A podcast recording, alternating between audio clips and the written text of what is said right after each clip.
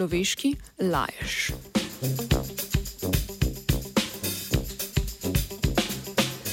Neuroznanstvena raziskovalna skupina je pokazala, da lahko psi razlikujejo med poznanim in nepoznanim človeškim jezikom, tudi če ne razumejo besed samih. Svoje ugotovitve so objavili v reviji Neuroimage.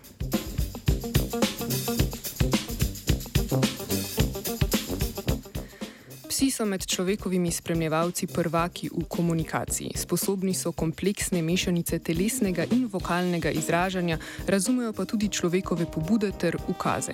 Iz preteklih poskusov je naprimer znano, da sta dve povsem ločeni regiji pasih možganov odgovorni za ukvarjanje s pomenom govorjenih besed in njihovo intonacijo. Še vedno pa o živalih pogosto mislimo, da lahko človeški jezik interpretirajo zgolj po zelo omejeni schemi. Kot da bi besede oziroma oziroma vizualne namige, s katerimi jih treniramo, zgolj izluščili iz šuma preostale govorice in jih potem povezali z nekim pričakovanim dejanjem, denimo podajanjem tačke.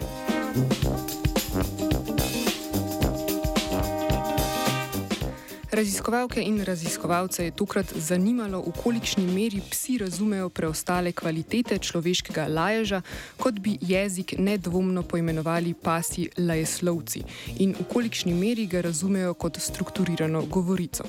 Pse iz enojezičnih španskih in mačarskih gospodinstv so med poskusom izpostavili štirim scenarijem.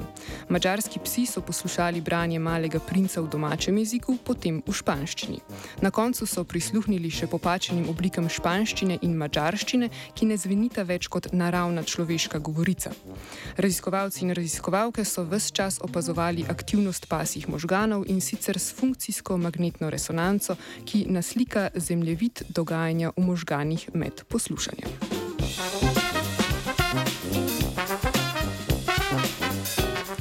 Poskus je najprej pokazal, da se pri poslušanju domačega in tujega jezika aktivacijski vzorci nevronov v pasji slušni skorni razlikujejo. Z drugimi besedami, psi lahko razlikujejo med jezikoma že samo s poslušanjem. Drugi del poskusa je pokazal, da je poslušanje popačenih nenaravnih različic obeh jezikov sprožilo močnejši, drugačen odziv kot naravni govor.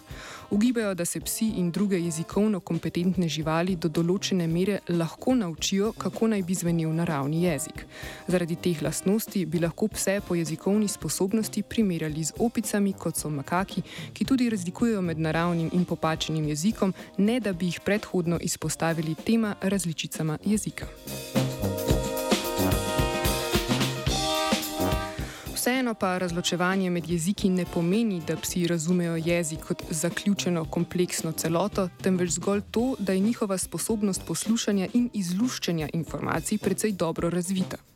Z izvedbenim poskusi tudi niso odgovorili na nekatera vprašanja glede komunikacije med človekom in psom. Zanima jih naprimer še, ali so psi prav med zgodovino družabnega sobivanja z ljudmi začeli razvijati posebno možgansko regijo, posvečeno interpretaciji človeške govorice.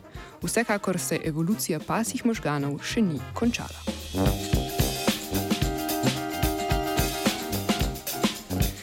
Mijavka, a vse razume, Luka.